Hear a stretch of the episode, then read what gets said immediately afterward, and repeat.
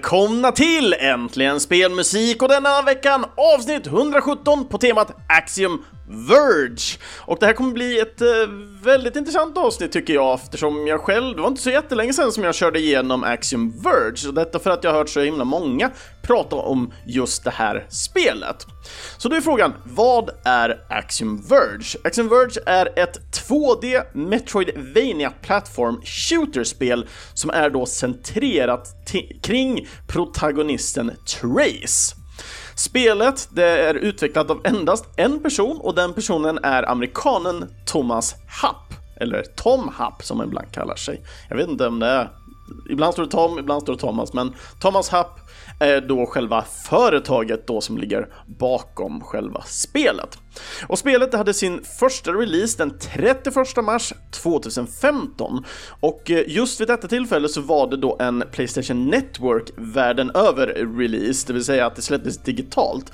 För Axiom Verge släpptes digitalt endast till en början. Spelet har sedan eh, portats till flertalet olika plattformar såsom PC, Mac, Linux, eh, Playstation Vita, eh, Wii U, Xbox One och på senaste tiden har även spelet fått en retail-release, detta då via Nintendo Switchen och detta då skedde eh, under sent 2017 och detta då i USA, men även då tidigt 2018 och då fick det release i Europa också. Och jag tycker det är jättekul att kunna få se ett spel bara gå full digital för att sen faktiskt få en fysisk release efter. Och det om någonting, med tanke på vårt samhälle ser ut idag med att det är så mycket mer digitalt som säljs gentemot retail och fysiskt, även om det finns många av oss rävar där ute som mer än gärna vill ha en fysisk liksom, del stående i en hylla. Själv gillar jag väldigt mycket att ha den fysiska och eh, visst, även om jag kör digitalt så är jag lite den här 50-50 ta vad jag kan ungefär. Men det är någonting extra charmigt med att just ha sakerna stående i en hylla tycker jag. Framförallt att kunna ta fram den vid ett senare tillfälle och sen smälla i det i, i eh, sin, sin spelmaskin och så bara njuta. Men när det väl kommer till själva spelet då, Just eh, spelet fångade snabbt många retrofantasters ögon framför allt och detta då med sin nudge till Metroid-serien. Eh, tittar man på skjutandet, dashandet och svingandet här så gjorde ju inte det saken lättare. Spelet fick flera recensioner som hyllade spelet både för sin story, sin design, men även musiken. Och eh, med tanke på att vi är en musikpodcast så skulle det bli jättekul att eh, då researcha vidare lite mer på själva musiken. Tom ligger ju själv bakom just allting i spelet och detta gäller ju även musiken. Och just musiken till det här spelet fick ju ett bra bevis på att den är bra i och med att den brittiska digitala tidningen Fact Magazine då namngett det här soundtracket som the number one video game soundtrack of 2015. Eh, detta är ju något som Tom själv haft svårt att greppa, detta för att han själv inte har någon tidigare kunskap eller erfarenhet av just själva musikindustrin. Att eh, då komma in egentligen och göra ett soundtrack för just det här spelet. Alltså soundtracket är ju relativt exklusivt för, för just spelet. Och sen efter att han släppt spelet då även släppa soundtracket på Bandcamp. Eh, varav Toms marknadsansvarige kompis eller vän eller kollega Dan då kontaktade då en vinyldistributör för att just skeppa soundtracket även i fysisk format. Och just vid detta tillfälle så kände ju Tom att det känns ganska skumt och nästan att han liksom inte tillhörde communityt. Just för att eh, Tom känner ju då till personer som endast jobbar med musik, sliter hårt och aldrig får något Best of Video Game Soundtrack-pris. För att för Tom kändes det lite som att han tog priset då rakt under näsorna på, på, på dem, kanske. Men eh, Tom själv ville inte skriva i en intervju då att det var någon slags fluk, men det är ju precis vad det var. Och jag, jag känner nu med det här att vi, vi, man har fått läsa och researcha på lite just kring soundtrack och priserna som, som spelet har fått och spelet är överlag väldigt hyllat. Jag tror den lägsta statistiken jag såg på spelet var en 62 och det kom rätt, tid, rätt tidigt i, i dess eh, utveckling. Medan tittar man på mycket senare resultat och reviewpoäng så ligger den nästan i toppbetyg hela tiden. Så runt 80 till 100 poäng, eller 5 av 5 på vissa sidor, men sjukt intressant att se. Så med det sagt så tar vi och kör första låten ut som jag tror många av er har längtat till att få lyssna på nu efter den här inledningen. Så vi tar och kör Trace Reborn.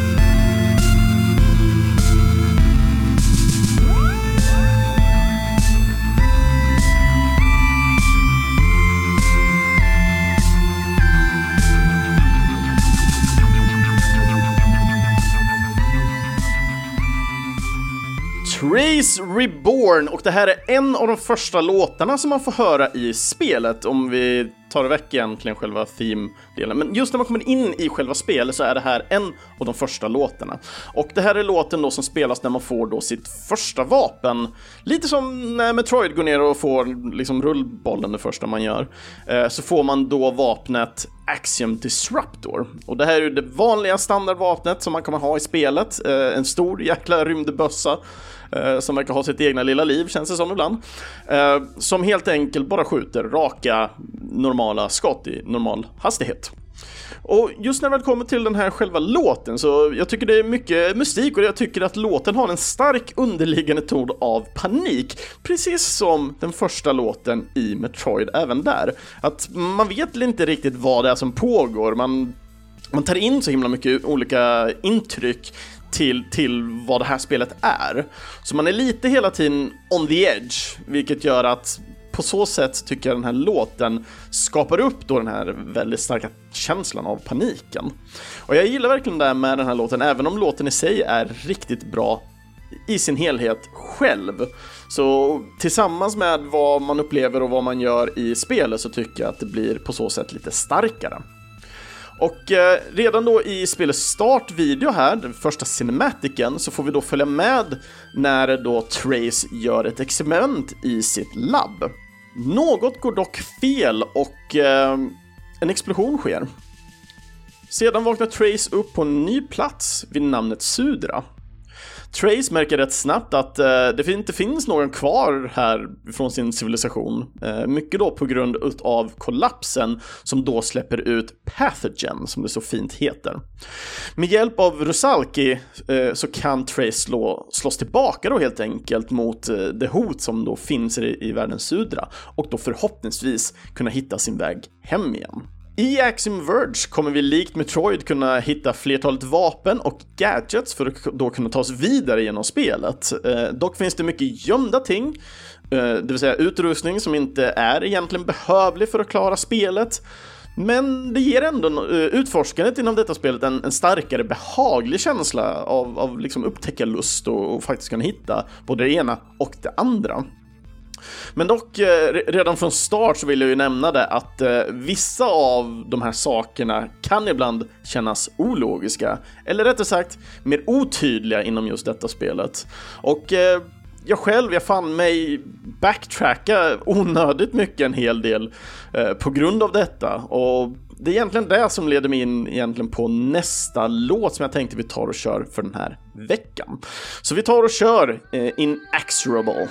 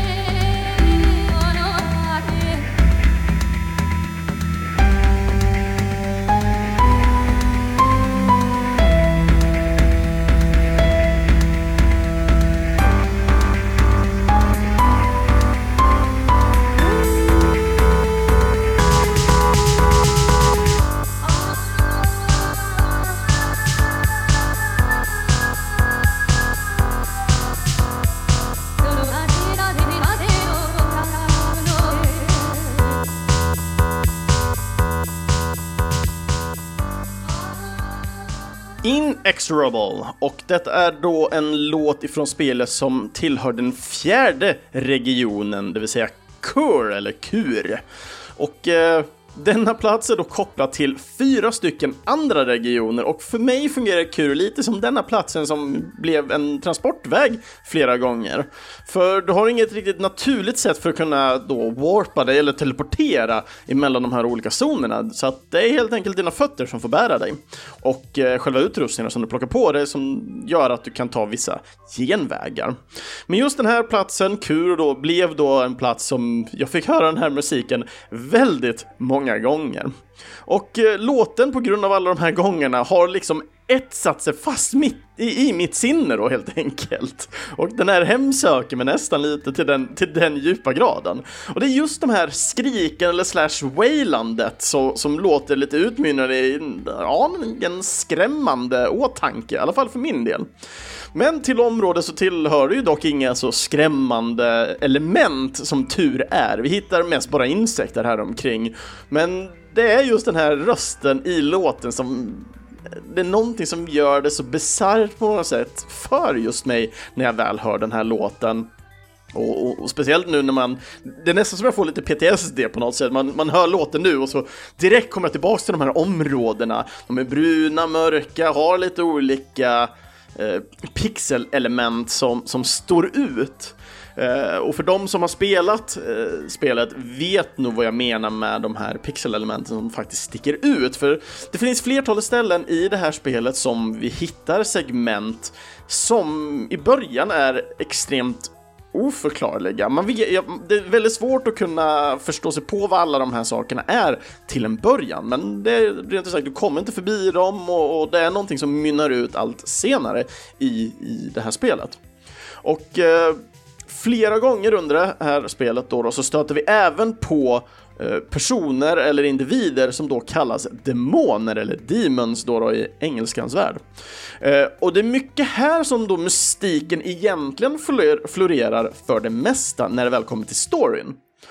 Även om eh, eh, just omgivningarna har och miljöerna har en viss story så ligger den starkaste progressionen av storyn i det man väl möter i det här spelet. Även om det inte är många så är det i de som man då möter.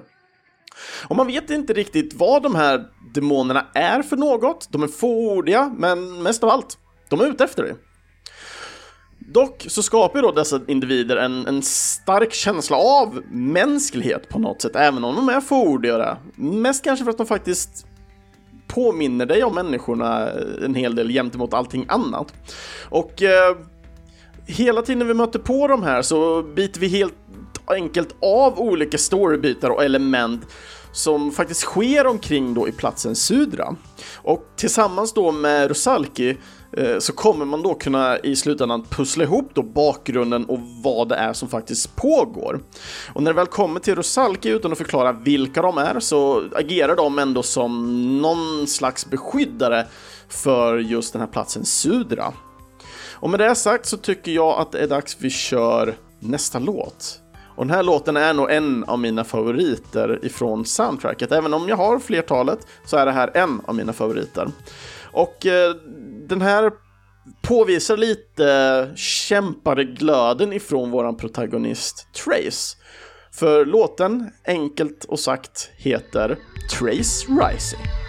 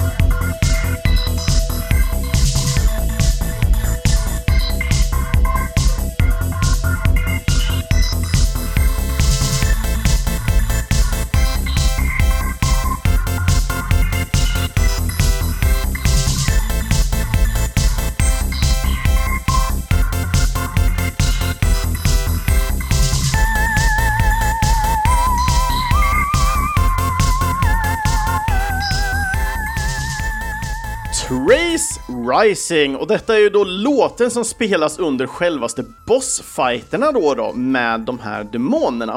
Och jag tycker den här låten har en slags western-feeling över sig med sina avlånga toner till starten.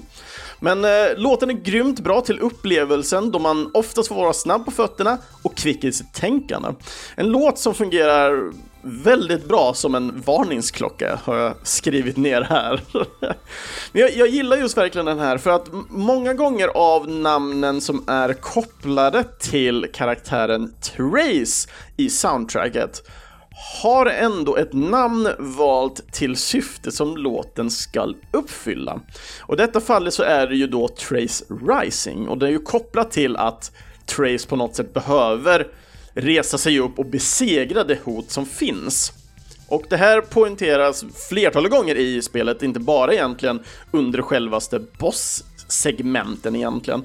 Eh, mycket på grund av att eh, det, är så många olika sätt som Trace behöver överkomma olika saker och ting i världen av Sudra.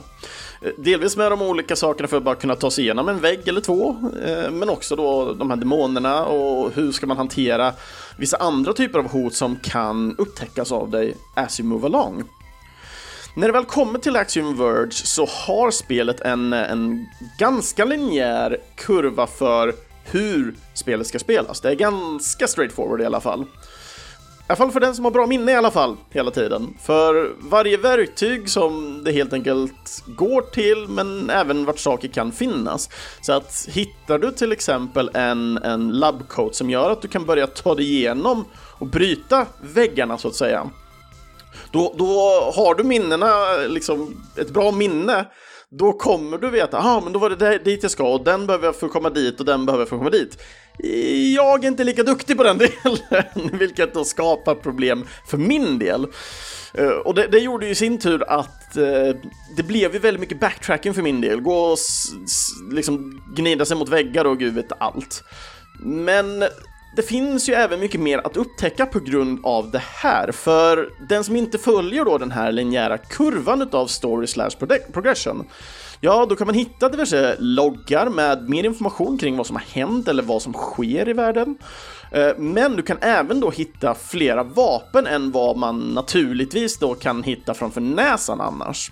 Och det är så mycket mer man kan upptäcka i den här världen av Sudra och jag kan verkligen uppskatta just de här delarna. Precis som i gamla Super Metroid när jag spelade det, att ja, men man kan ju göra sig till en liten boll och så kan man börja lägga små bomber. Men då när man rullar på en viss väg och börjar lägga bomberna, ja då förändras miljön till de här boxarna som förklarar till dig, ah, vad, vad, vad försöker du göra här? Eh, du ska använda den här istället. Ska man ha någon superbomb eller man ska ha missiler och gud vet allt. Eh, och just det här spelet har en liknande tendens att eh, vid vissa ställen så är det ganska straightforward vad du ska göra, medan andra kommer lite mer på upptäckarlusten och det här används väldigt intressant ibland utav miljöerna. Uh, till exempel hittade jag själv en helt ny värld som jag sa, okej, okay, vad är det här för plats? Det här var skitintressant var det. Eh, och sådana saker trillar man bara över eller när man har den här upptäckarlusten för att hitta. Men samtidigt så är det, har man bara ett lite skarpt öga för vad som händer på skärmen så kan så andra saker bli så himla självklara för dig för de här upptäckardelarna. Och det, det är någonting som jag verkligen håller högt när det väl kommer till Actionverse-spelet, att just kunna ha den här upptäckarlusten, att kunna hitta saker och på något sätt även att spelet ger små hintar av var saker kan finnas och vad som man kanske ska göra så känner man sig som spelare som att man, ah, man hittar någonting som man kanske inte riktigt skulle ha hittat. För att det, det är inte att det skrivs rätt på näsan, oh, den ligger här. Och så vidare. Och jag, jag, gillar verkligen det. Så när det väl kommer till det här spelet så jag har ju flera gånger då gått vilse, men överlag så har jag ju då haft en trevlig upplevelse, så här långt i alla fall. Nya färdigheter ger nya perspektiv på de gamla områdena. Med det sagt så tar vi och kör veckans sista låt. Och låten heter Without Place.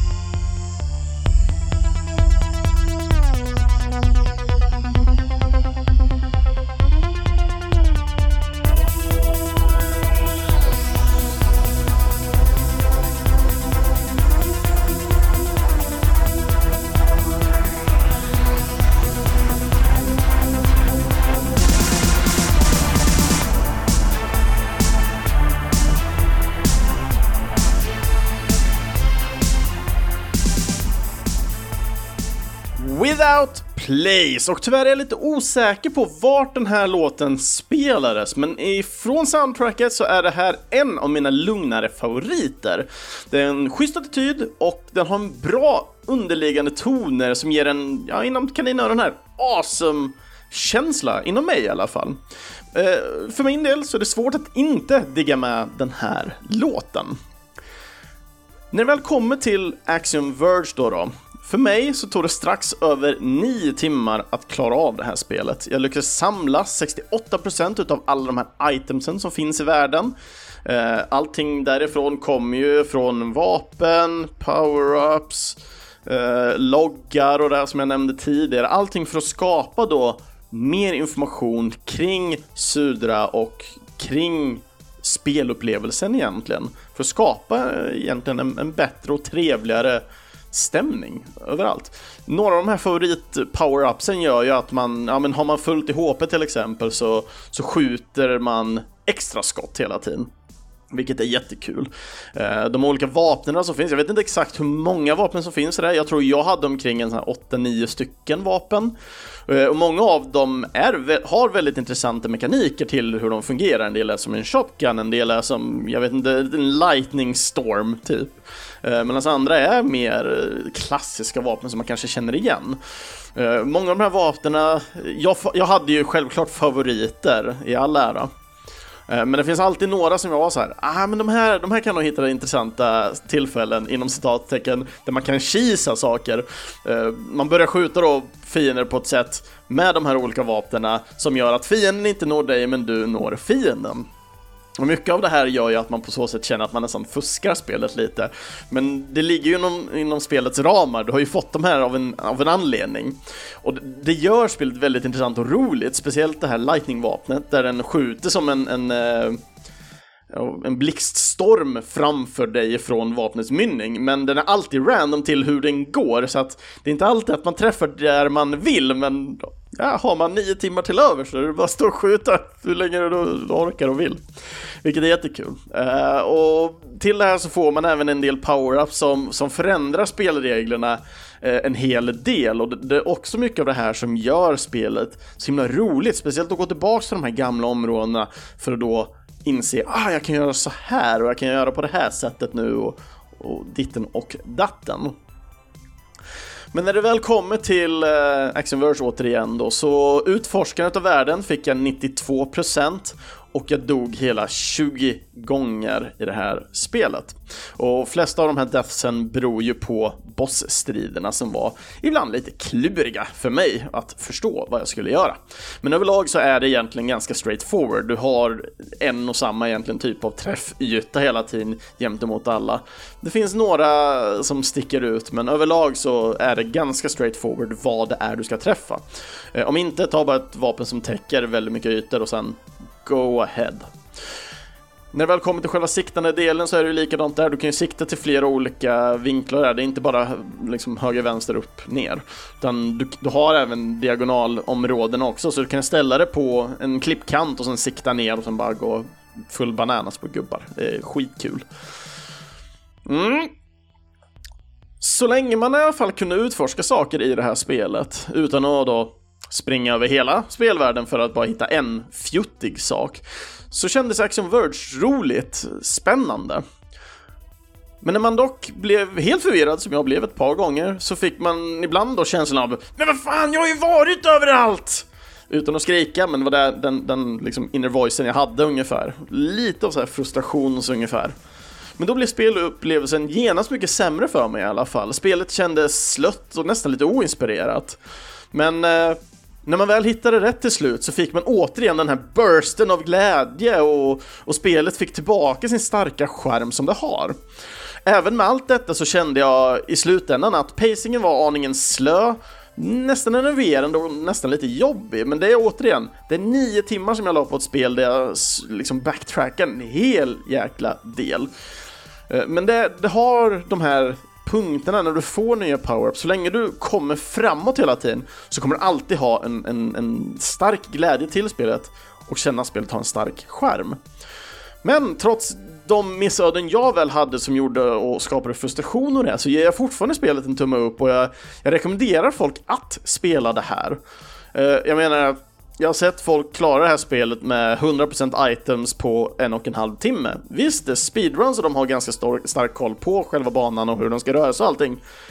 Men återigen, det, det, visar ju egentligen hur mycket extra tid jag la ner på för att både ha 100% nästan items och, och, en hel del på kartan.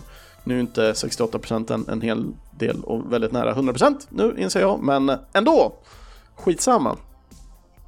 Men det är ändå väldigt kul ändå att kunna se hur stark stor skillnad. Genomsnittlig är runt en 8-9 timmars speltid för en ny eh, person till att uppleva det här spelet. Så att kanske kommer ni känna liknande känslor som jag hade till spelet eller kanske inte, jag vet inte. Men det är upp till er att göra den bedömningen och kanske titta in lite trailers och sånt, se ifall det här spelet passar er. Om inte så hoppas jag i alla fall att musiken till det här spelet skapar något slags intresse som gör att ni kanske vill lyssna på det, eller kanske till och med köpa soundtracket. Under 2018 så fick vi även då reda på att Tom jobbar på en uppföljare slash prolog. Tom själv visste inte riktigt vart eller hur man skulle kunna säga eller tala ut om hur det utspelar sig med tanke på upplägget som Axiom-världen har. Men ett spel skulle utvecklas i alla fall. Och redan då visste han att eh, det ska gå lite mer åt RPG-hållet. Det ska vara mer personer och individer att kunna prata med och man ska ha en valuta som man hanterar någon typ av utrustning med. Och eh, så sent som 2019 så fick vi dock äntligen se vad som komma skall. Axiom Verge 2. Vi kan tydlig, tydligt se här en annorlunda mekanik gentemot föregångaren och eh, jag kan redan nu känna att det ska bli kul att få se responsen utifrån då fansen till den här serien. Axiom Verge 2 har inget specifikt releasedatum ännu, men hösten 2020 är det i alla fall sagt.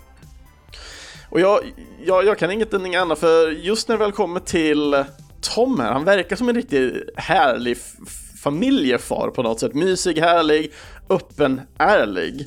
Och redan så tidigt som, även om spelet blev ändå klart och han har suttit med förfiningar och portningar från 2015, så att få se någonting och kunna se honom prata om spelet redan, alltså Action Verge 2 då, och prata om spelet redan i 2016 tyckte jag var enormt jäkla kul. Och speciellt redan nu då när man har tittat upp om att det, han håller på redan på en tvåa och att det redan finns information på att Action Verge 2 kommer skapar mer intresse från min sida, framförallt också med, med tanke på att det här verkar ta, ta tag i en annan del av, av, av just den här Axiom-världen så att säga.